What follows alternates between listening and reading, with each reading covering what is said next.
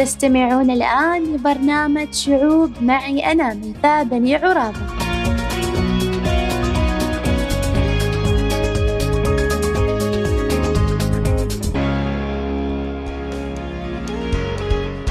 قاف زاء ميم ثلاث حروف تكون كلمة قزم. تخيل إنك زرت مكان كله أقزام وأنت كشخص بطول عادي واللي حوالينك كلهم كتاكيت صغار. أكيد حسيت إنك شخص عملاق.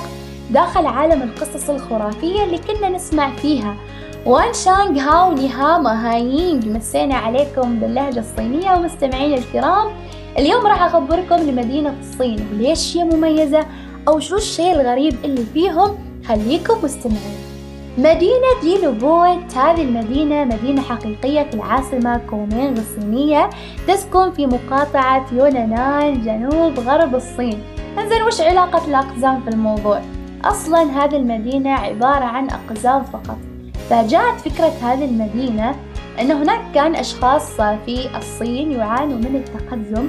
فجاءت هذه الفكرة لحصل كل قزم في مدينة واحدة ولوقف التمييز بين العمالقة أو الأشخاص العاديين بينهم.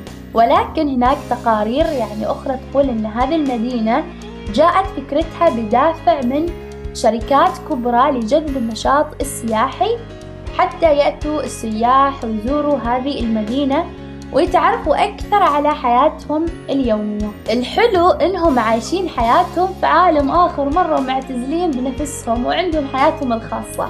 حتى تم تنصيب ملك لديه حراس أمن ورجال شرطة. وطبعا كلهم من نفس الفئة. ويعيش في هذه المدينة حوالي مئة قزم ويعيشوا حياتهم عادية. يعني يتزوجوا وينجبوا أكيد راح يتزايد العدد. أنتم متخيلين حياة السنافر تعرفوا أن بيوتهم تم تصميمها بشكل فريد من نوعه؟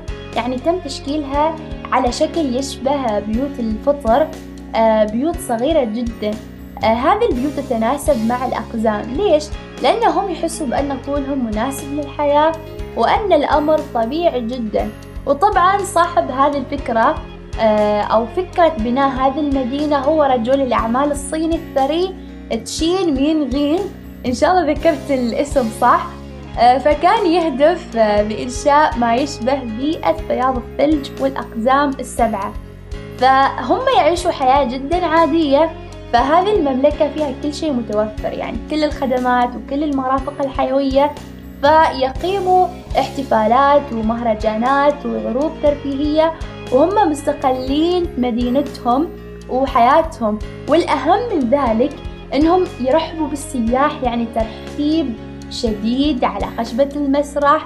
والشيء الجميل إن ملك الأقزام هو من يقدم الترحيب بكل بشاشة وغيرها من الاحتفالات لاستقبال السياح. في يوم حلمت أو تخيلت إنك تصير عملاق يعني شخص كبير وتريد تحقق هذا الحلم على فكرة تقدر بإمكانك تزور مدينة ليلوبوت اللي هي مملكة الأقزام وراح تحس نفسك إنك شخص ضخم.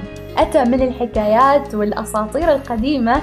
حقيقة هذه المدينة تشهد إقبال سياحي وأصلا هي وجهة لكل الناس اللي يحبوا مثل هذا النوع من السياحة.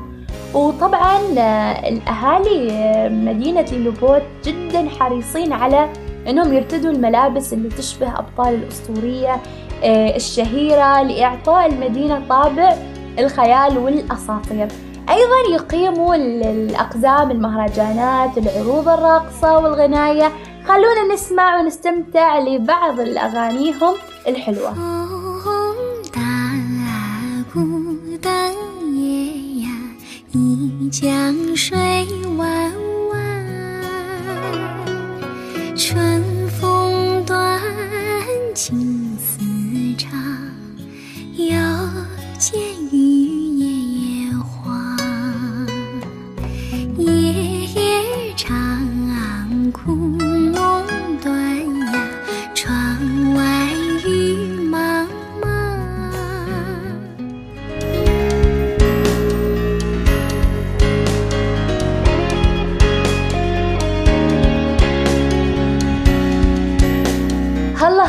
الأغاني الجميلة وحقيقة أنا تحمست أزور هذه المدينة. أنتوا تعرفوا أن أغلب الأقزام في هذه المدينة يعيشوا حياة طبيعية إلا أن بنسبة 40% يبلغ متوسط الطول الطبيعي عندهم 1.16 متر وأقصرهم 86.36 سنتيمتر. فحاولوا العديد من العلماء من إجراء التفسيرات والتحليلات لكنهم لم يتوصلوا لأي حقيقة علمية. لكن أساطير القرية يقولوا أن أصابتهم لعنة منذ سنوات عديدة. لذلك جعلت السكان المحليين يعانوا من حالات غامضة بالأخص الأطفال ما بين الخمسة إلى سبع سنوات. فتوقف عندهم النمو وبقوا على نفس الطول لبقية حياتهم. بغض النظر عن النمو هناك بعض الضحايا يعانوا من مختلف الإعاقات بسبب التقزم أخيرا حقيقة مدينة ميلوبو ذكرتني بسنو وايت والأقزام السبعة. وأتمنى أنكم تحمستوا تزوروا هذه المدينة مثل ما أنا متحمسة أني أروح أزور هذه المدينة.